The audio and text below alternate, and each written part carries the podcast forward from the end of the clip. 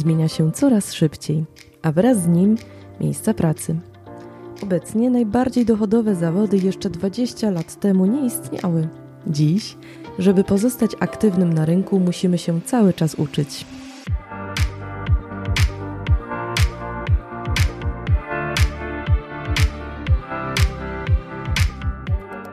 Jak możemy przygotować się na zmianę?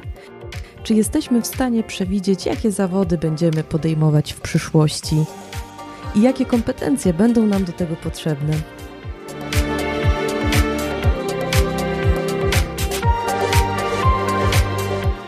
Nazywam się Dominika Nawrocka, a Ty słuchasz podcastu Między innymi audycji Capgemini Polska poruszającej trendy i wyzwania współczesnego świata.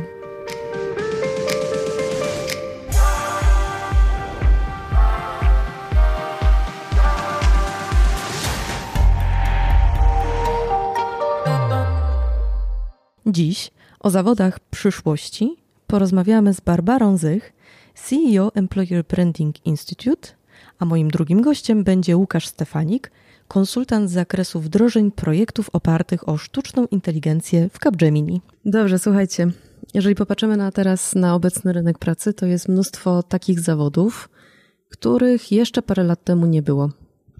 I chciałam Was podpytać, który z obecnych zawodów pracy jest dla Was e, albo był dla Was największym zaskoczeniem? Kiedy wchodził na rynek Łukasz? Dla mnie, szczerze mówiąc, największym zaskoczeniem była rola koordynatora żałoby.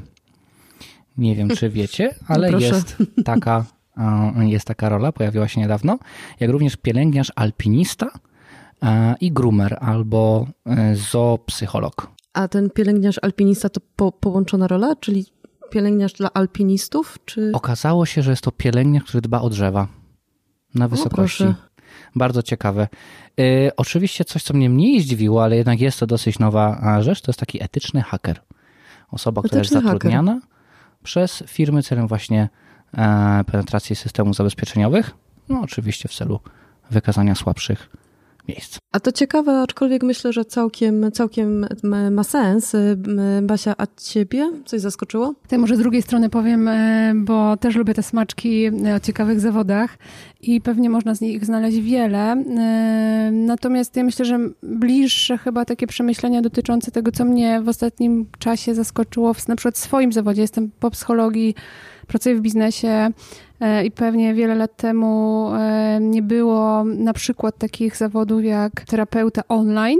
To się wydaje bardzo teraz proste, oczywiste, ale po prostu staje się bardzo powszechne i się profesjonalizuje. I może to nie jest takie sexy, e, natomiast w związku z tym, że mamy dostęp do nowych technologii no już praktycznie powszechny, to, to, to zauważam, że to już jest trochę w mainstreamie i, i też ludzie z tego korzystają, więc nowy, stary zawód, ale zdobywa zdecydowanie nowe, nowe mm, możliwości, jakby też dostępność. I w innym obszarze, na przykład jeśli chodzi o edukację, bo tutaj też jakby mocno działam, to mm, osoby, które projektują e, edukację od nowa trochę za pomocą i z wykorzystaniem e, mm, czy blended learningu, czy, czy typowych po prostu online'owych form e, i gdzie trzeba to zaprojektować od nowa, przemyśleć proces edukacyjny. I to też się wydaje takie ok, już, już to wiemy, bo wszyscy z tego korzystamy, ale jeszcze niedawno tak naprawdę nie było e, to powszechnym zawodem, nie? Już teraz są, więc mniej może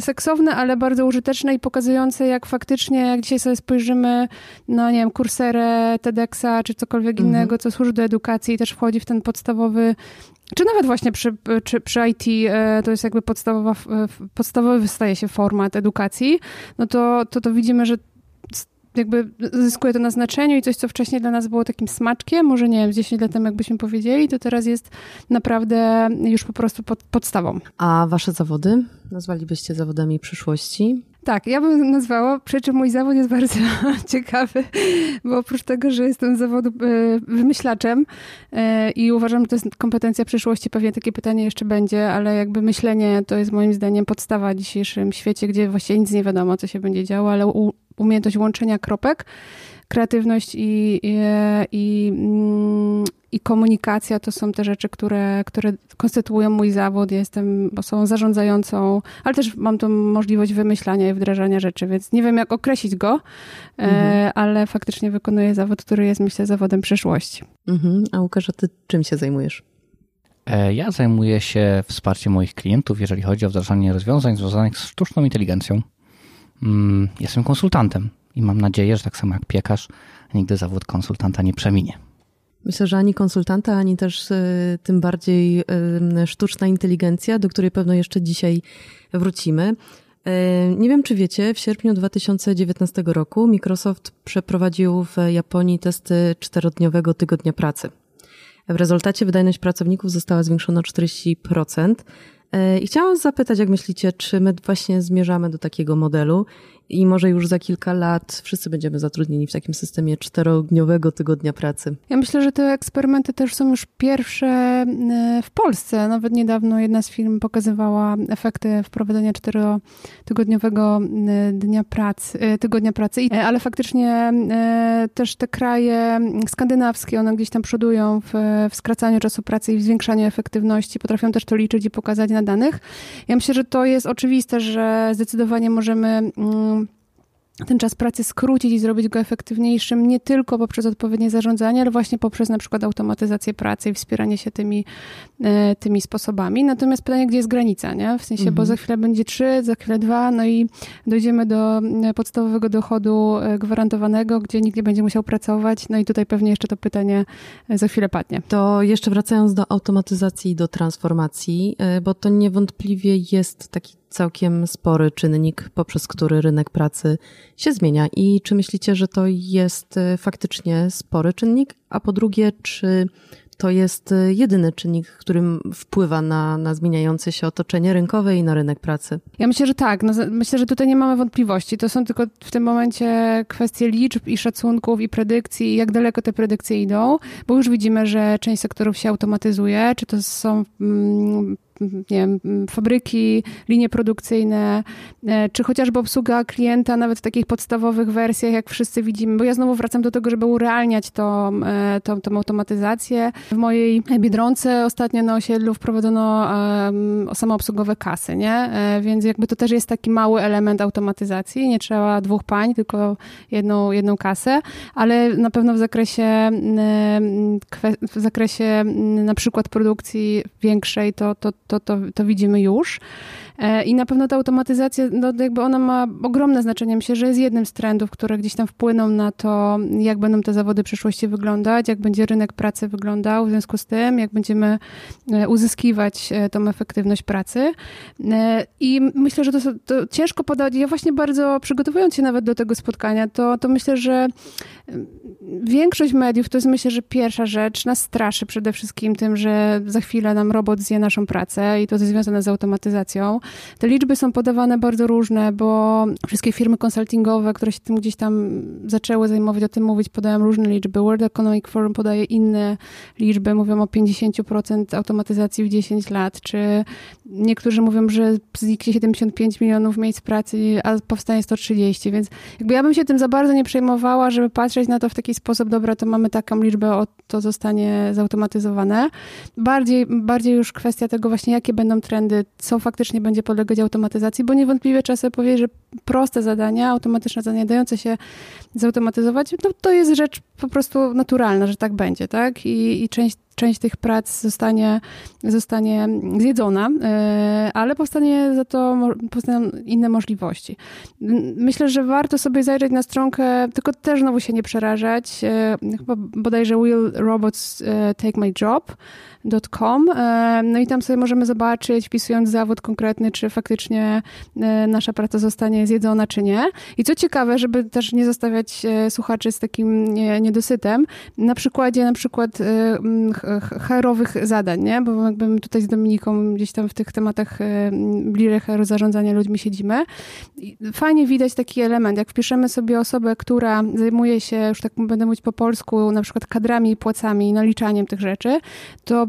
Zagrożenie automatyzacją jest tam na poziomie 90 chyba 7 czy 8%. Ale jeśli wpiszemy HR managera, czyli osobę, która ma zarządzać, wymyślać, komunikować się, yy, czyli te umiejętności miękkie, no to zagrożenie automatyzacją zdecydowanie maleje i to są zdecydowanie, to znaczy do, do na przykład 5%, nie? gdzie te dwie liczby już pokazują nam, w którym kierunku e, automatyzacja pójdzie, co będzie zautomatyzowane, a czego się nie będzie jeszcze długo, długo dało zautomatyzować. To w takim razie zapytam Łukasza jako konsultanta od sztucznej inteligencji, jak to jest z tymi robotami? Czy faktycznie, tak jak tutaj Basia mówi, nie zabiorą nam pracy, albo inaczej zabiorą, a może pojawią się jakieś inne? Ja myślę, że to jeszcze daleko przed nami. Ta automatyzacja, jak tak właśnie słucham, co mówisz, wydaje mi się, że to nie jest przyczyna czy problem. Mi się wydaje, że to jest właśnie odpowiedź na te nasze ludzkie wymagania. My jako ludzie zmieniamy nasze potrzeby. Jako pracownik chcemy pracować zdalnie, chcemy pracować w różnych godzinach, chcemy pracować e, u, u dziwnych ustalonych porach dla siebie, kiedy jesteśmy najbardziej efektywni.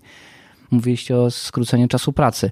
No, myślę, że zamiast skracać czas pracy, można po prostu pozwolić pracownikowi pracować wtedy, kiedy mm, jest mu najlepiej. Czy jest to rano, południe, wieczór, daj taki wybór. I właśnie automatyzacja jest odpowiedzią na te potrzeby. Co więcej, my jako ludzie żyjemy coraz dłużej. E, coraz dłużej, no, pomimo tego, że nasza jakby aktywność zawodowa stricte um, lat tak, się no, nie zmienia, teraz się no, wydłuża tak naprawdę, to my sami też chcemy do tego dążyć, chcemy być dłużej aktywni e, zawodowo. No i właśnie ta automatyzacja i to wspomaganie się sztuczną inteligencją może nam w tym wszystkim pomóc. Tak więc ja bym nie wyszukiwał tutaj mm, albo nie przypisywał takiej cechy tego, że automatyzacja odbiera pracę, raczej pozwala nam e, na realizację naszych potrzeb, które mamy. Weź mi teraz pokaż jakikolwiek artykuł w pierwszych dziesięciu miejscach e, po, po wpisaniu automatyzacja pracy w Google, bo ja naprawdę jestem przerażona. Zrobiłam taki research na 100 pierwszych linkach, e, no i znalazłam 1 czy 2% e, artykułów, które mówią, że to jest fajne, nie? I myślę, że mm, właśnie zachęcam do tego, żeby przemyśleć to w taki sposób, jak ty mówisz, od strony korzyści, bo myślę, że dużo jest wokół tego właśnie strachu, strachu i, i takich na, bazowania na naturalnych po prostu lękach i to jest oczywiste, ale myślę, że warto e, spojrzeć na to, co mogę ja zyskać dzięki automatyzacji, co mogą zyskać moje dzieci, co, gdzie w ogóle mogę ja swoje e, kompetencje ulokować i gdzie rozwijać. Czyli jeżeli dobrze rozumiem, swoich zawodów w przyszłości można upatrywać w sferze automatyzacji, sztucznej inteligencji, robotyzacji. A jakie jeszcze inne e, obszary albo inne zawody wy byście nazwali jako zawodami przyszłości. Podobnie postrzegam właśnie tą automatyzację, że my się trochę jej obawiamy. E, natomiast co ciekawe, e, też te predykcje, myślę, że jest bardzo naturalnym. Takim trendem, który, o którym ty powiedziałeś, zresztą troszkę zahaczyłeś, o starzejącym, starzejącym się społeczeństwie, czy dłużej żyjących ludziach pozytywnie e, myśląc, to wbrew pozorom zawody, które będą wspierały opiekę medyczną, opiekowanie się osobami starszymi, ale też dziećmi, tak, jakby na, na tej linii, one nie zginą, tak, i jakby też można powiedzieć, o Boże, to faktycznie nie jest żadny sexy zawód, nie związany z technologią, ani z ICT, z niczym takim e, związanym z, z technologiami, a będzie, tak? Będzie potrzebny i będzie coraz bardziej potrzebny i będzie to w strukturze, powiedzmy, zawodów cały czas się dobrze trzymał albo wręcz rósł. Więc myślę, że też odwracając to pytanie, nie tylko te technologiczne zawody, których na pewno powstanie, my nawet, my nawet nie wiemy, jakby predykcje są, znaczy predykcje, jakby informacje są takie, e, że 65% osób obecnie w, w podstawówkach będzie się zajmować rzeczami, o których my jeszcze w ogóle nawet nie wiemy. No więc tobie to nawet trudno wyobrazić, co to już nie pokusimy się, żeby przewidywać jakoś z jakąś trafnością. Możemy tylko właśnie mówić o trendach i o tym, co warto, mm, czego się warto uczyć, jak warto swoją karierę kształtować, żeby być przygotowanym na to, co powstanie. E, natomiast no, są, są takie obszary, gdzie no, po prostu nie, nie znikniemy nagle my jako ludzie, mimo jakichś fatalistycznych oczywiście założeń i będą cały czas, na przykład taki zawód będzie, czy ta, cała ta sfera związana z opieką będzie cały czas aktualny. Mhm. Łukasz, w Capgemini są e, zawody przyszłości? Oczywiście zawody przyszłości mają to do siebie, że one będą w przyszłości. E, kilka z nich, co chciałem powiedzieć, e, już teraz widzimy takie zręby. To znaczy my w kapie, jeżeli tak mogę powiedzieć, w Capgemini, kształtujemy i rozwijamy te kompetencje oraz umiejętności, które później będą częściami składowymi właśnie tych zawodów. Mówmy się, programista ciągle jest potrzebny, zmieni się tylko potrzeba no, ja teraz patrzę na siebie, mam jakiś zegarek elektroniczny, za niedługo wszystkie telewizory, oprogramowanie, pralki, lodówki. Ktoś to musi zaprogramować, tak więc to nie jest tak, że to jest jakiś mm, niesamowity rocket science, tak? To nic nowego nie powstaje. Chodzi o to, że będzie dużo większe zapotrzebowanie na właśnie programistów, bo będzie coraz więcej systemów, sprzętu, mówimy o czymś, co nazywa się Internet of Things, mm, mówimy o tym, że dane zbierane są tak naprawdę wszędzie. Ja jako analityk danych, data scientist, czy, czy właśnie konsulent spraw sztucznej inteligencji. Bardzo się cieszę, że coraz więcej danych mm, będziemy zbierać, mm, ale to są właśnie takie kompetencje, które ciągle mamy, rozwijamy. E, mamy też e, takie, no można powiedzieć, nowe zawody, czy nowe oferty, które tworzymy. Mm, jedną z nich jest na przykład osoba, która no teraz coraz częściej e, jest widoczna, to jest User Experience Manager, czyli osoba, która zajmuje się projektowaniem tych odczuć usług IT, które dostarczamy. Wiecie, kilka lat temu, kiedy robiliśmy, nie wiem, migrację z Office'a 2003 do 2007, nikt nie przejmował się tym, jak to będzie z punktu widzenia użytkownika. Po prostu zmienialiśmy system e, i technologicznie musieliśmy o to zadbać. No a dla użytkownika, pomimo tego, że to była największa zmiana, jakoś tak to nikt to, o tym nie myślał. Teraz wyobraźcie sobie, że zmieniamy, migrujemy serwery z mm, jakiejś tam lokacji do chmury z punktu widzenia użytkownika, no co to za zmiana tak naprawdę. Ale nie zaczniemy tej zmiany, dopóki nie stworzymy person, nie stworzymy, nie zbadamy potrzeb i zależności tych ludzi, nie poznamy ich potrzeb biznesowych, celów biznesowych i dopiero wtedy zaplanujemy zmianę, nawet tak bardzo sadzoną w technologii, ale jednak z punktu widzenia użytkownika. Tak więc taki człowiek, który zarządza takim odczuciem usług, IT podczas zmiany jest bardzo ważny. Mm, kolejną osobą jest właśnie osoba, e, która może przeprowadzić taką zmianę w organizacji. Wiadomo, kiedyś mówiliśmy o tym, o, o dużych zmianach organizacyjnych, no ale teraz z punktu widzenia znowu, jeżeli wrócę do poziomu IT, e, również coraz częściej to analizujemy. Staramy się przeprowadzić e, przemyślane kampanie, staramy się przeanalizować dane ludzi, kulturę organizacyjną firmy, tak aby żeby taką zmianę zaprojektować i wdrożyć jak najefektywniej jest to osoba, która taką zmianą zarządza, e, którą tworzy. Też kilka lat temu mm, nie kładliśmy takiego nacisku na to, co za tym idzie, e, nie było dużo takich ludzi. Sam mój zespół z trzech osób urósł do 35, jeżeli policzę wszystkich analityków 60, to pokazuje, że te zawody właśnie teraz się e, rozwijają i w firmie takiej jak IT takie miękkie kompetencje, umiejętność zarządzania, zmianą, przewidzenia są jak najbardziej pożądane. Tak więc myślę, że to jest dobre miejsce dla osób, które chcą odnaleźć się w zawodach przyszłości. Może tylko skomentuję, bo myślę, że to bardzo fajną rzecz powiedziałeś i myślę, że taką kluczową dla myślenia o w ogóle przyszłości, zawodach rynku pracy, e, bo mm, to, co jest takie, mm, to ty dotknąłeś tego, że user experience, powiedzieć o emocjach, że badamy odczucia, w zmianie i zarządzanie zmianą znowu mamy uczucia e, i zarządzanie ludźmi ich emocjami e, i to jest rzecz, której jeszcze bardzo długo nie zautomatyzujemy. E, za to odpowiada prawa półkula mózgu, jeśli tak już być bardzo, jesteście, że tak powiem, z tych ściślejszych. E, I to jest ta, że jeśli lewą jeszcze możemy, prawej, e, bo tam mamy po prostu logiczne myślenie i wiązanie elementów, prawej to jest intuicja, emocje, mm, jakby inteligencja też płynna, więc tego nie będziemy w stanie jeszcze długo zautomatyzować. I tutaj myślę, że każdy, kto myśli, niezależnie czy o, o, kierunku informatycznym czy, czy humanistycznym, to myślę, że warto na pewno na te kompetencje stawiać. Umiejętność łączenia również różnych, różnych elementów to jest jakby druga, druga część, o których zresztą w tych dwóch e, przypadkach powiedziałeś. Ja myślę, że to, co na pewno na pewno jest dużo łatwiejsze i to też zawdzięczamy automatyzacji, że my nie musimy się domyślać niektórych e, e, faktów. Źródła informacji mamy coraz częściej bardzo, bardziej bogate i mamy te informacje pozyskane i po prostu zarządzanie nimi jest łatwiejsze, trafniejsze, bardziej dostosowane na podstawie danych. Natomiast ta część emocjonalna zostaje cały czas nieruszona. Ja, zawsze, ja myślę, że się, ja się śmieję z takiego przykładu, bo ostatnio byłam po dużej wyprawie i wspinałam się na piramidy i trzepnęło mi kolano, nie? No i ja mówię, kurde, no to muszę iść do fizjoterapeuty, a tam fizjoterapeuta, no, no coś mi tam pomasuje i tak dalej. No oczywiście fizjoterapeuta Bach, Czyli jakby starym myśleniem poszłam, nie? W sensie, dobra, to tam e, muszę, muszę, muszę coś takiego załatwić, będzie prosto. No to bach od razu na kozetkę, znaczy na tą, na e, rezonans magnetyczny, struktura kolana, gdzie tutaj, który mięsień trzeba ruszyć. No i jestem, jestem zadowolona, e, bo mam terapię, która jest dostosowana do moich potrzeb. Nikt mi tam nie będzie naciągał nie wiadomo czego bez, bez, bez potrzeby.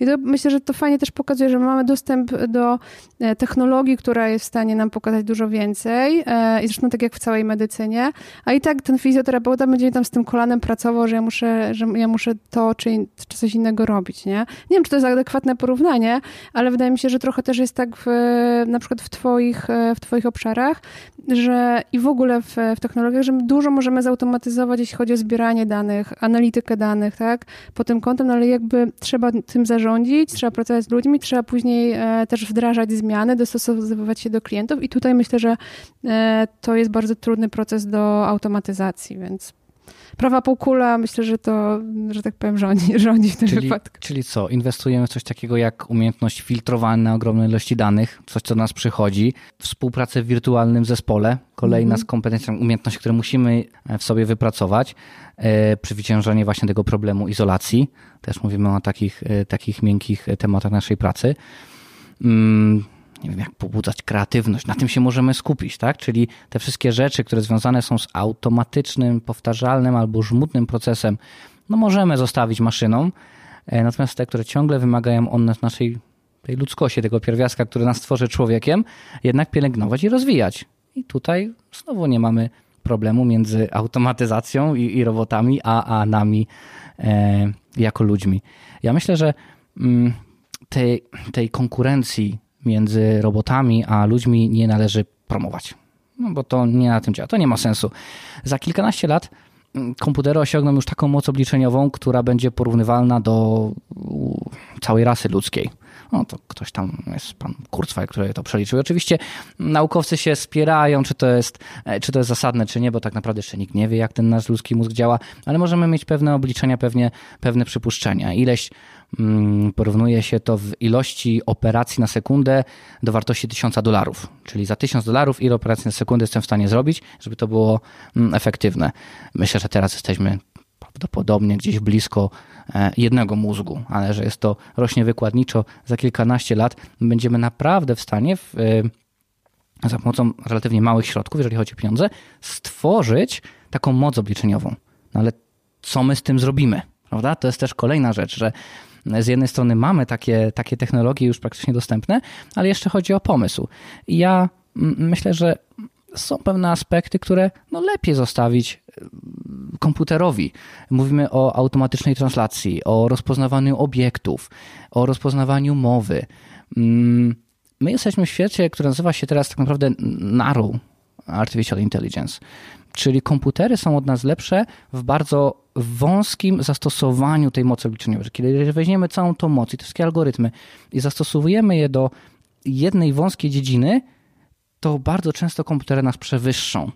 No ale czy my jako ludzie yy, mamy mieć z tym problem? Ja, ja nie sądzę. Yy, myślę, że etyczny temat wdrażania sztucznej inteligencji czy tych rozwiązań to jest yy, sprawa na osobną dyskusję i nawet chyba nie będziemy tego próbować tutaj mm, rozpoczynać. Ale wydaje mi się, że jest to taka naturalna ewolucja. Dzięki nowościom technologicznym to my ludzie lepiej wykonujemy naszą pracę, E, i skupiamy się na aspektach, gdzie człowiek daje większą wartość, pozostawiając te nudne w cudzysłowie zadania maszynom. Pasia, a z Twojej perspektywy, jakie to e, umiejętności, kompetencje przyszłości, na których powinniśmy się skupiać? Jeżeli ja, jako mama pięcioletniego synka, miałabym przyjść do Ciebie i zapytać, Basiu, na co powinnam postawić, żeby Mikołaj miał świetlaną przyszłość, to co byś mi powiedziała? To jest bardzo trudne i przewrotne pytanie, bo myślę, że mam teraz nad sobą dużą odpowiedzialność wszystkich rodziców, którzy na chwilę pani doktor powiedziała.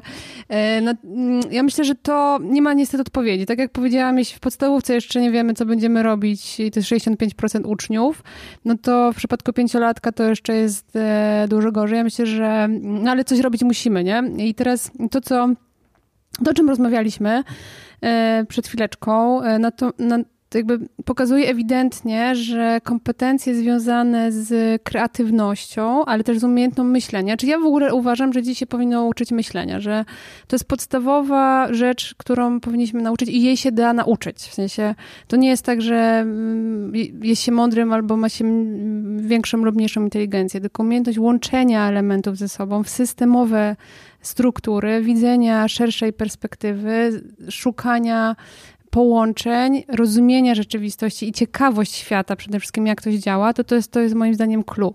W połączeniu później z umiejętnościami miękkimi i, empatią, rozumieniem człowieka, bo tak jak powiedzieliśmy, ok, mamy duże ilości danych, ale ktoś zmianę musi przeprowadzić w organizacji. A organizacja to są zespoły, to są ludzie, z nimi trzeba umieć się komunikować, z robotami też trzeba będzie się umieć komunikować i między nimi się porozumiewać, więc jakby komunika umiejętności komunikacyjne, to, to myślę, że to jest ważne. No i też kreatywne myślenie, które też się da pobudzać. W sensie też się da ćwiczyć, też się da uczyć, bo to nam się wydaje, że tak jak ktoś jest kreatywny albo nie. Właśnie nie.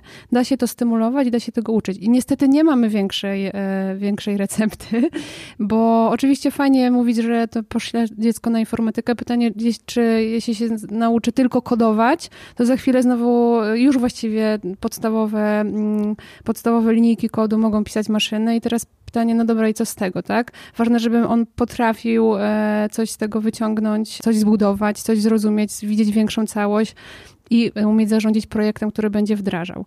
Ja powiem tak, e, nie gloryfikuję mojego ojca, ale wydaje mi się, że on mnie nauczył tej kompetencji przyszłości. Ja jestem przekonana o sobie, że się odnajdę w każdej sytuacji, czy będą maszyny, czy nie.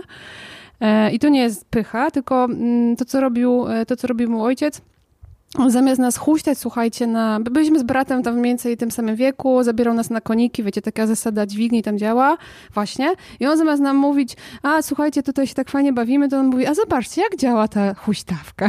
A my takie trzylatki i czterolatek się zastanawialiśmy, jak działa zasada dźwigni. I oczywiście nie chodzi, dziecko nie zrozumie tej zasady dźwigni jeszcze, bo, bo po prostu nie jest w tym etapie, ale chodzi o to, żeby jak chcesz Mikołajowi zapewnić fajną przyszłość, no to po prostu ucz go myślenia, jak coś działa, bo my teraz nie mamy tej kompetencji. W, szkołach nas tego nie uczą, w sensie uczą, nie uczą myślenia, takie w moim przekonaniu go obserwuję, znaczy mało tego jest.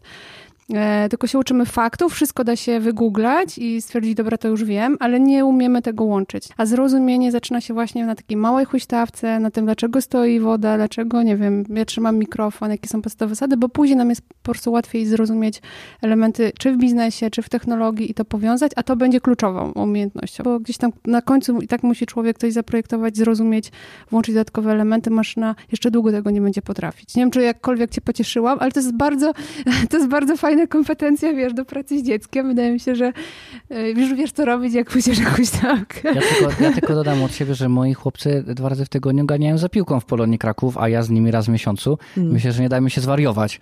Dadzą sobie radę i nawet propagowanie sportu pozwala też rozwijać te umiejętności czy kompetencje, które będą potrzebne później logiczne myślenie, umiejętność gry zespołowej, e, współpracy, strategii. To jest to, czego uczymy dzieci. A w jaki sposób? No pewnie jak najlepszy przez zabawę. E, czy rozwijanie, nie wiem, muzyczne, żeby poszerzać nasze umiejętności. Myślę, tak. że to, co kiedyś było, dalej jest. E, I te same sposoby zostają. Tylko kwestia jest, na czym się później skupić i kiedy już mówimy, myślę o nastolatku, i jak zrobić, żeby dziecko poczuło mm, ten pociąg do, do, do, do nowych rzeczy. Mhm. Jeżeli będzie się interesowało technologiami e, albo nowościami, będzie chciało coś od życia dla siebie, e, no i też myślę, że dla społeczeństwa, wtedy będą gotowi na jakikolwiek zawód przyszłości, e, o którym nawet sobie jeszcze nie myślimy. Sport, ale jak wspomniałeś, też muzyka. Myślę, jest też bardzo ważna do zaszczepiania. I tak reasumując, tu akurat wątek dzieci, też taka nie zatracanie tego dziecinnego pytania, ale dlaczego i po co, tylko żeby to umiejętnie rozwijać w przyszłości. Basia, ty wspomniałaś o edukacji e, i chciałam podpytać, e, bo być może będą słuchały nas również osoby, które teraz się uczą czy studiują. Jak to jest z tą edukacją? Czy ona nadąża za tymi trendami? Nie nadąża. W sensie, nie, może nie to, że nie zdecydowanie, ale są obszary, które po prostu idą za szybko do przodu albo bardzo szybko do przodu i to wcale nie jest tak, że musi nadążać e, uczelnia czy tam akademia za wszystkim, nie? Myślę, że w dużej mierze fajnie, gdybyśmy my jako studenci postawili sobie pytanie, dobra, ale to gdzie ja się mogę jeszcze czegoś nauczyć? Uniwersytet to nie jest jedyne miejsce, w którym ma mi dać edukację. E, wręcz są takie teraz trendy, zawody, tutaj nikogo, broń Boże, nie, nam, nie namawiam, ale dużo szybciej przerastają nasze kompetencje i one później się jeszcze zmieniają. Jakby teraz ten zawód jakby wyuczony nie jest gwarantem na pewno, nie wiem, zatrudnienia e, i wydaje mi się, że trzeba szukać, jak, gdzie tylko możecie, gdzie tylko możemy, um, jakby możliwości rozumienia większej całości, uczenia się nowych rzeczy. Od tego są praktyki, staże, wolontariusz, wolontariackie elementy. Jakby naprawdę, ja bym po prostu nie oczekiwała, że uczelnia, która myślę, że jeszcze jest Polsce, zwłaszcza gdzieś tam w, takim starym modelu funkcjonująca, bo umówmy się, ile z nas uczy się na przykład tylko online, bo ja tak mało znam takich e, e, możliwości, takich kierunków, no to, no to po prostu zostaje nam po naszej stronie powiedzenie, dobra, gdzie ja mogę jeszcze te kompetencje zdobywać, gdzie ja mogę je przełożyć. To jest moja odpowiedzialność, żeby trochę szukać tych, tych możliwości i siebie, i siebie rozwijać. Ja jestem akurat takim wykładowcą, który bardzo dużo wymaga i przerzuca tę odpowiedzialność na studentów, bo uważam, że wtedy jakby ta wartość jest dla mnie jako studenta naj, największa, że się najszybciej uczę. Pomyślmy w ten sposób. Odpowiedziałaś na moje w sumie drugie pytanie, ale też odbiję tutaj od razu piłeczkę do Łukasza. E, Łukasz, to gdzie młodzi ludzie, e, mniej lub bardziej młodzi, mogą dodatkowo nabywać umiejętności, kompetencje, czy w ogóle widzieć nowe, nowe nowinki? I też takie pytanie, gdzie ty, bo wydaje mi się, że w twoim zawodzie też musisz być bardzo, mówiąc ze staropolskiego, up to date. I gdzie ty znajdujesz właśnie ten element dla siebie rozwojowy? Może odpowiadając na to drugie pytanie najpierw, ja bardzo lubię chodzić na różnego rodzaju meetupy, spotkania, e, gdzie przychodzą e, ludzie, którzy dzielą się swoimi umiejętnościami, wiedzą i pokazują, co nowego wymyślili. Oczywiście różnego rodzaju konferencje. Mm, ja wiem, że konferencja akademicka to zupełnie inny temat niż taka konferencja, którą organizuje jakaś firma albo właśnie jakiś meetup, e, ale właśnie ta prostota i ta technologia i ta automatyzacja znowu pozwala nam na właśnie zorganizowanie czegoś takiego i, i branie udziału w tych spotkaniach. Dla mnie no niesamowite. Zwykle są to darmowe spotkania, zwykle są ludzie, którzy przychodzą tam dlatego, że chcą, że chcą promować swoje rozwiązania, chcą o tym rozmawiać, szukają też wsparcia. Mm, I jak najbardziej jest to miejsce do tego, żeby poznawać nowe trendy i rozwiązania no wiadomo, mamy internet, mamy różnego rodzaju podcasty, które subskrybujemy, strony internetowe, które lubimy oglądać. Mamy też y, mm, takich guru, tak? Mm, słuchamy ludzi, którzy od dawna zajmują się e, tymi technologiami i, i promują, mówią, co się dzieje. Ja ostatnio też poprosiłem jednego z moich e, kolegów z zespołu o napisanie takiego crawlera, który przechodziłby przez stronę E, z różnymi dostępnymi e, pracami doktorskimi, gdzie można byłoby wyczytywać nowości, gdzie jakby świat nauki mm, właśnie zaczyna pewien rozmu, pewne rozmowy, które za kilka lat dopiero wejdą do technologii. Dla mnie jest to, dla mnie jest to po prostu bardzo ciekawe. Mm, wspominałeś też bardzo ciekawie, jeżeli chodzi o ten system edukacji. Gdzie wydaje mi się, że każdy kraj rozwija się w takim jakimś tempie, ale kiedy już dochodzi do momentu, w którym ten boom technologiczny się, się, się realizuje, to adaptujemy wszystkie możliwe najnowsze technologie. Gdzie kilka lat temu, y, już nie wiem jak teraz, ale kilka lat temu w Anglii byłem bardzo zdziwiony, że ktoś przychodzi do sklepu i płaci czekiem. Ja sobie myślałem, no nie no, to ja mogę zapłacić kartą byle coffee shopie, a tam jest płatność czekiem. Mm, nie wszędzie można płacić kartą. Dlaczego tak jest? No bo wtedy, kiedy ten kraj przeżywał y, ten swój boom technologiczny, to był szczyt, tak? To było to, co zostało wdrożone. Mm, wspomniałem właśnie o tym, ile, ilu z nas uczy się online. Chiny, Indie, ogromnej ilości ludzi uczą się, bo teraz tam właśnie przypada ten boom technologiczny e, i każdy przychodzi, ok, e, segment po segmencie. Edukacja, jak to się robi? Online. Bach, wszystkie kursy, wirtualne uniwersytety, to jest standardem, czyli oni zastają e, jakby edukację z całym dobrodziejstwem inwentarza i ją wdrażają, bo akurat teraz przypada im ten rozwój. My w Polsce też coraz częściej z tego korzystamy. Ja sam e, część moich kursów robiłem online. Studia MBA, no owszem, robiłem lokalnie, ale też z dużą dozą jakby wsparcia mm, elektronicznego i, i, wirtualnych zajęć. Wydaje mi się, że no też do tego dążymy, ale adaptujemy tą technologię, która jest teraz dostępna i to właśnie wpływa na to, jak się, e, jak się rozwijamy. Czyli gdzie szukać tych rzeczy?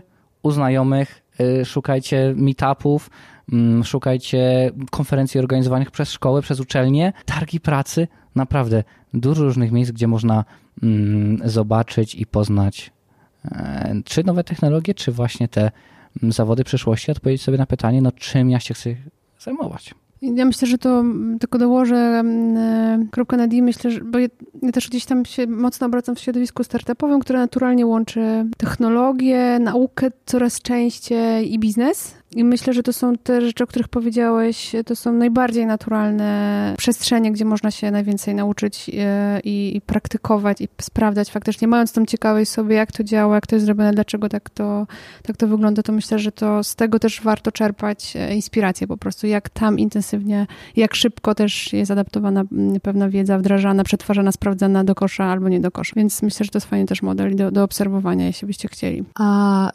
z waszej perspektywy, dlaczego szkolenia online nie są jeszcze tak bardzo spopularyzowane w Polsce. Spotkałam się z takim powiedzeniem, że szkolenia on online tak naprawdę w Polsce nie są percepowane jako takie wartościowe jak w klasie. Podzielacie tą opinię? Z dwóch stron znowu, bo jedna, jedna rzecz to jest, czy my mamy jakąś e, obawę przed technologią, e, w takiej, powiedziałabym średnio w Polakach, nie? Nie mówię, że tam osoba pracuje właśnie w wysokich technologiach i jakby to jest dla niej naturalne. I myślę, że ten, e, ta obawa tych przed technologią jest cały czas jednak spora i, i, i myślę, że tutaj może na to wpływać. A z drugiej strony, jak patrzę sobie na mm, jakość tego materiału e, jakby zaprojektowanie też tego materiału, myślę, że jeszcze mamy co, umówmy się, co w podstawowych przedmiotach, tak bym nazwała, bo oczywiście są mistrzowie, dużo do zrobienia. Ja w pierwszym swoim moku brałam udział z 10 lat temu na, mm, na jednej z pierwszych platform e, amerykańskich, no i tam na kurs dotyczący, bo to w ogóle było fajne, dotyczył szczęścia w ogóle, to był pierwszy na świecie kurs dotyczący szczęścia e, i zapisało się 100 tysięcy osób. A co dokładnie z tym szczęściem? No, to był, to był, to się śmieję, jak być szczęśliwym, w sensie było naprawdę kurs na ten temat, sześć, i to, i to nie było, że sobie oglądasz, tak, czy bierzesz udział w webinarze, po prostu było wszystko przygotowane, odcinki, e, prace domowe, wiesz, naprawdę się tam nauczyłam bardzo dużych podstaw. Tylko 100 tysięcy osób, ja w pewnym momencie tam TA-em zostałam, czyli tym teaching assistant, bo trzeba było mo moderować te mhm. zapytania, bo oczywiście się dużo osób zgłosiło z depresją, mhm. bo to jakby kurs o szczęściu, no to kto się zapisuje. Ale swoją mierze. drogą, teraz bardzo popularny nowy zawód happiness manager, czyli osoba, o, która tak. ma uszczęśliwiać. Tak, to też, to też bardzo ciekawa, ale no, jakby wydaje mi się, że po tamtym doświadczenia to było kupę lat, kupę lat temu, nie? I, i ja, ja, wiem, jak wygląda dobrze nie tylko treść na, na, na, nakręcona, powiedziana, ale trzeba po prostu tym cyklem edukacyjnym zarządzić. I nie chodzi o to, żeby zrobić mm, kawałek, pigułkę, oddać i, i zostawić, mhm. bo obejrzeć nie wystarczy, nie? Więc wydaje mi się, że tutaj też mamy jeszcze y, sporo do zrobienia albo trochę do zrobienia w zakresie tej treści. E, jeśli na przykład by się uniwersytety chciały na to porwać tak masowo, no to to jest jakby troszkę inne podejście i trzeba się tego też nauczyć, jak moderować taką, takim, e, czy blended learningiem, czy mieszanymi e, formatami, czy samym, czy samym online'em. A właśnie z drugiej strony myślę, że cały czas jednak ta mm, wartość, technolo- wartość tej, tej edukacji technologicznej, być może to się nakręca wzajemnie, jest cały czas, jest cały czas e, ta użyteczność jest za mała, więc ja akurat nadmiernie korzystam z, tej, z tych formatów, e, natomiast no wiem, że dużo moich kolegów, nawet w mojej branży, po prostu ma cały czas tą obawę, nie? E, już nie mówię językową nawet, bo to najczęściej są w innym języku e, materiały, no ale też taką właśnie, co kurczę, czy to jest ok, czy to nie jest ok, czy jak się zapytać, gdzieś tam włączyć, to takie podstawowe ludzkie rzeczy. Mhm. Jeszcze chciałabym wrócić do tych, o, do kwestii robotyzacji, automatyzacji pracy bo jednak część zawodów będzie zautomatyzowana. Co byście poradzili tym osobom, których właśnie praca zostanie zautomatyzowana? Zapotrzebowanie na niektóre prace zostanie mocno ograniczone, a niektóre zanikną. No tak było i oczywiście będzie. Czy ta przyszłość tak naprawdę należy do robotów? No nie. Tak samo jak ta przyszłość nie należy do budzików tak? A był kiedyś taki zawód, kiedy chodził pan i budził nas długim kijem, pukając w szybę. No, ciekawe. Oczywiście e, też nikt z nas już nie chodzi od latarni do latarni i jej nie zapala.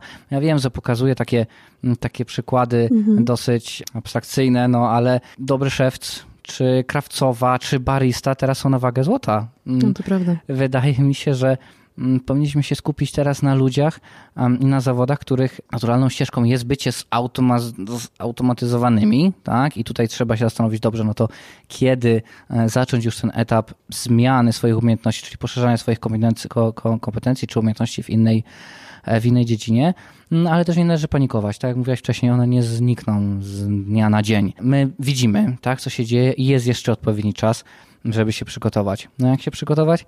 Zobaczyć, co nas interesuje, co, co, jest, co jest ciekawe. No mój wujek całe życie przepracował przed jedną tokarką, 40 lat stojąc przy jednej maszynie, przy jednym oknem.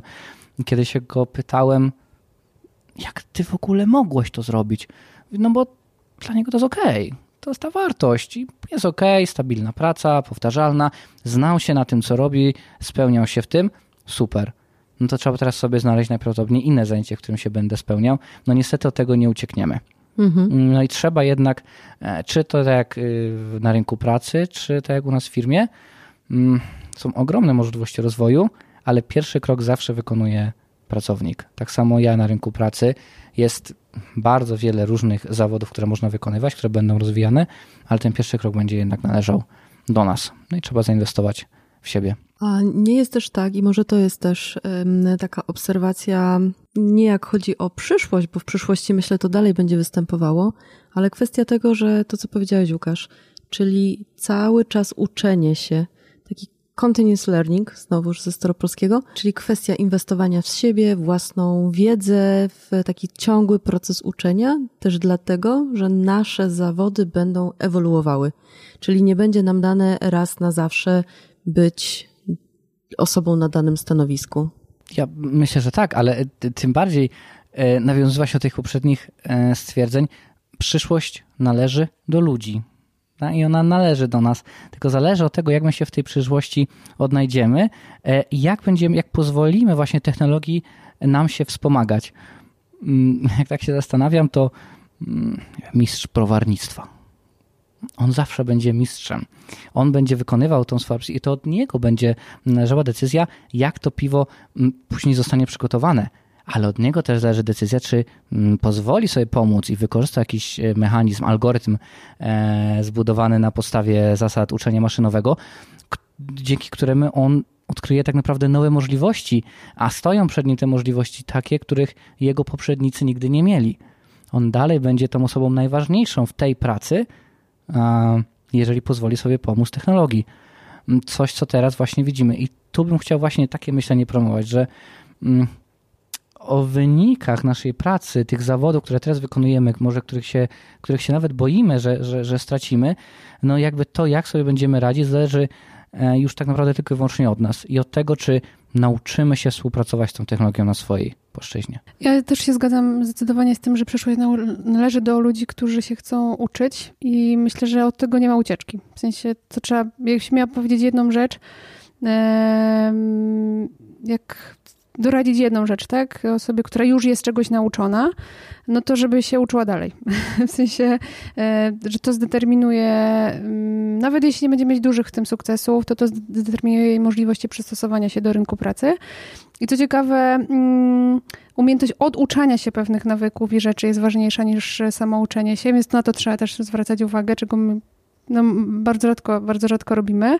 Ale jak sobie pomyślimy, że średnio, nie wiem, 7 zawodów yy, i to tak dobrze, jeśli by było 7, 7 prac, powiedzmy, może nawet nie zawodów, ale miejsc pracy w ciągu statystycznie yy, życia Polaka mamy, yy, no to jak pomyślimy sobie, że przyszłość może wyglądać tak, nie mówię, że tak będzie, ale może tak wyglądać, że będziemy mieć 7 projektów, nawet nie stałych prac, ale powiedzmy pracując w trybie projektowym, projektowej, w trybie projektowym, no to mamy 7 projektów w ciągu roku, no to musimy sobie pomyśleć, kurde, to faktycznie będzie inaczej wyglądać, nie? I co ja, co ja będę wtedy, kim ja będę, co ja będę wtedy robił, jak ja będę myślał o rzeczywistości, o swoim zawodzie, jak to będzie siedem w roku projektów, które mogą być dla różnych pracodawców, tak? Mogą być dla, nawet nie wiadomo, czy pracodawców, tak? Ale jakby ta intensywność zmiany też generuje e, inny sposób myślenia. Myślę, że warto tutaj spojrzeć. Znowu nie przerażać się, tylko po prostu inaczej o sobie pomyśleć, bo inaczej się wtedy też człowiek, myślę, że zachowuje. Potrzeba uczenia się nawet nie potrzeba, ale chęć uczenia się myślę, że warto po prostu sobie tutaj zaszyć, rozglądać się wokół, tak jak powiedziałeś, e, łączyć kropki, patrzeć faktycznie jak rzeczywistość działa, co się będzie działo w najbliższej przyszłości i by, być otwartym na to. Myślę, że bez lęku do tego podchodzić i to powinno wystarczyć. Łukasz, jako Capgemini dla klientów e, świadczymy taką um, usługę, to chyba nie jest do końca poprawne słowo, ale tak ją nazwę, usługę tak zwane Connected Employee Experience. Mógłbyś opowiedzieć, na czym to polega? Connected Employee Experience skupia się na tym, e, jak zaprojektować, wdrożyć e, i później utrzymać różnego rodzaju usługi IT i technologie, e, ale zawsze mając użytkownika w centrum. To jest bardzo ciekawe. Ja, ja to jest jak taka moja praca na co dzień. Możemy wdrażać te rozwiązania za pomocą różnych technologii. Jest to pewien set technologii, które wdrażamy, które służą właśnie użytkownikowi i oczywiście służą organizacji. Dzielimy się na kilka takich typowych części. Coś, co skupia się typowo na użytkowniku, czyli po, mm, mówimy na to Connected Employee, tam gdzie skupiamy się na tym, jak użytkownik współpracuje z innymi użytkownikami, czyli ludźmi oraz z technologią. Connected Workplace, e, Connected Office, e, czyli mówimy o tym, jak właśnie w biurze i w inteligentnych e, biurach nam się pracuje, jak również ta technologia, która pozwala nam pracować zdalnie. Wszystko to wdrażamy. Oczywiście każda z tych elementów poparte jest analityką, czyli no, moim takim też celem w organizacji jest mm, wdrażanie rozwiązań sztucznej inteligencji tam, gdzie jest to tylko możliwe. Tak więc wszystkie te systemy, które zbierają dane, e, albo te decyzje, które podejmujemy, jak na przykład przeprowadzić taką transformację cyfrową, e, opieramy również o dane. Connected Employee Experience to jest właśnie e, odpowiedź Capgemini na ten trend cyfrowej zmiany. Kiedyś każdy z nas mówił, że wyjazd jest konieczny do przeprowadzenia jakiegoś spotkania. Bardzo dużo osób podróżowało naprawdę teraz technologia na tyle poszła do, do przodu, że większość tych zadań można zrobić zdalnie. Tak więc zachęcam, jeżeli ktoś ma ochotę wejść na stronę Capgemini i poczytać o Connected Employee Experience. Tam znajdzie dużo informacji na temat tego, gdzie to wdrażamy i jak to działa i też e, jakich osób potrzebujemy. No właśnie, jakie stanowiska e, tworzą ten Connected Employee Experience? Architekci, ale kto jeszcze? A, architekci rozwiązań IT, konsultanci biznesowi, analitycy danych, e, specjaliści w danej technologii, w danej domenie. Mi oczywiście najbliżej jest do analityków danych. Mm, jest też e, takie rozwiązanie, które mówimy proces mining. E, w momencie, w którym analizujemy pewnego rodzaju procesy u klienta, no bo na tym wszystko polega. Są procesy, które są teraz wykonywane, lecz nie chcielibyśmy je zautomatyzować albo jakoś usprawnić, no to jedną z możliwości jest właśnie analiza danych systemów, które pozwolą nam poznać, jak procesy w organizacji działają i później je usprawniać. Niekoniecznie e, potrzebni są e, ludzie, którzy mają takie technologiczne podstawy. Mm, bardzo często właśnie teraz skupiamy się na tym, e, na tych kompetencjach miękkich i przeprowadzaniu zmiany, zrozumieniu potrzeby tej zmiany, mm, dopasowaniu tej zmiany do potrzeb klienta, Mm, a tutaj sprawdzają się jak najbardziej ludzie o podłożu właśnie czy psychologii, czy, czy, czy designu, artystyczne dusze. E, naprawdę to jest, to jest, to jest bardzo ciekawe. Mm, I oczywiście też dosyć e, no, ważny temat, jeżeli chodzi o ilość e, kobiet i mężczyzn w, w zespołach. U nas z roku na rok to ciągle rośnie. I oczywiście zapraszamy panie, które, oczywiście panów też, ale nie ma się czego bać, jeżeli chodzi o technologię albo pracę w środowisku IT, bo te umiejętności i, i, i te naturalne kompetencje kobiet są tak szalenie potrzebne, e, że ja już teraz sobie nie wyobrażam takiego zespołu, w którym nie mielibyśmy miksu, jeżeli chodzi o, o, o płeć i właśnie taki zespół stworzony z mężczyzn i z kobiet według mnie jest najbardziej, hmm. najbardziej efektywny. IT czy nie IT? To już wiemy, że tak. Jak byś opisał swoim dzieciom Czym się zajmujesz w pracy? Tak, były już te próby. Mm, moi chłopcy są bardzo dociekliwi i są bardzo ciekawi tego, co tata robi w pracy. Jak ja im to tłumaczę? E, zwykle mówię, że, że zajmuję się e, pomaganiem innym ludziom w podejmowaniu ich decyzji. No i oczywiście to się nigdy nie kończy. Bardzo często dostaję pytania od dzieci w stylu, a czy tatusiu, ty naprawdę musisz jechać? Czy hmm. dlaczego ty nas chcesz zostawić? I wtedy, pomimo tego, że to pytanie jest dosyć trudne, dużo bardziej trudne do odpowiedzi, to jednak wolę te pytania, bo wtedy jestem w stanie powiedzieć, oczywiście, kochani, ja cię nigdy nie zostawię, nigdy się nie zostawiam.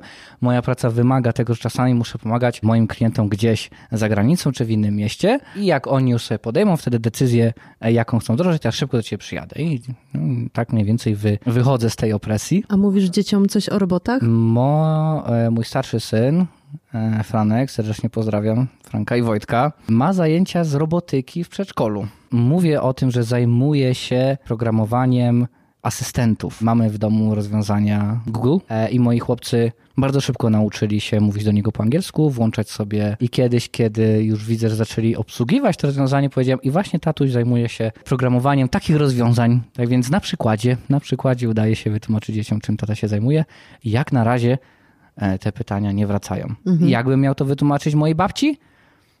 Powiedziałbym, że jestem informatykiem. Basia, ty, y, twojej babci, jakbyś wytłumaczyła, czym ty się zajmujesz? Matko, ja to w ogóle nie tłumaczę, ja już się poddałam. W sensie, wydaje mi się, że unikam tego tematu w ogóle, yy, zwłaszcza w, w, obszarach, gdzie nie ma, nie ma potrzeby tego zrozumienia, nie? W sensie, po co babci wiedzieć i tłumaczyć i jeszcze jestem tłumaczyć świat, no bo to by trzeba było wytłumaczyć, po co w ogóle to robić i tak, i, i tak dalej, więc staram się jakby nie kłopotać, jeśli nie trzeba, tym, tymi, tymi tematami, ale faktycznie jeśli już mam do czynienia z osobami, które chcą wiedzieć albo są ze środowisk, to, to też myślę, i to, to zresztą polecam, aczkolwiek ja robię dosyć dużo różnych rzeczy, znaczy w różnych aktywnościach i one są jeszcze nie połączone, no bo jak się mówi HR, HR w Polsce o technologii, to, to jest jeszcze cały czas taki, taki grunt nieznany, więc no, mówienie o jakiejś tam specyficznej technologii jeszcze czy jakimś programowaniu algorytmów i tak dalej, no to to jest trudne, nie? Więc trzeba po prostu się, ja się ratuję zazwyczaj też takimi stereotypowymi podejściami, że jestem informatykiem, mam takie szufladki, że się zajmuję albo szkoleniami, albo jestem wykładowcą, albo się zajmuję rekrutacją, czego w ogóle nie robię, albo się, albo blisko, jak, jak jeszcze jest jakaś tam sfera blisko mi do e, marketingu, to też jeszcze powiedzmy agencja reklamowa jest zrozumiana, natomiast employee branding totalnie myślę, że, że nie. Natomiast ja o sobie lubię myśleć w kategoriach właśnie trochę hybrydy kompetencyjnej, które uważam, że są, to, to trochę tak brzmi nieludzko, nie? Ale jednak faktycznie myślę, że osoby, które mają różne kompetencje z różnych obszarów, e, ścisłych, humanistycznych, to to jest taki trochę rodzaj zawodu, w sensie to jest taki zawód, który zawsze będzie potrzebny, nie? W sensie rozumiem, ale też czuję. Myślę, że też na tym trochę też to przystosowanie do świata polega, że musimy umieć się porozumieć z każdą grupą takim językiem, jak ona potrzebuje. To też jest może umiejętność przyszłości. Myślę, że na pewno dziękuję.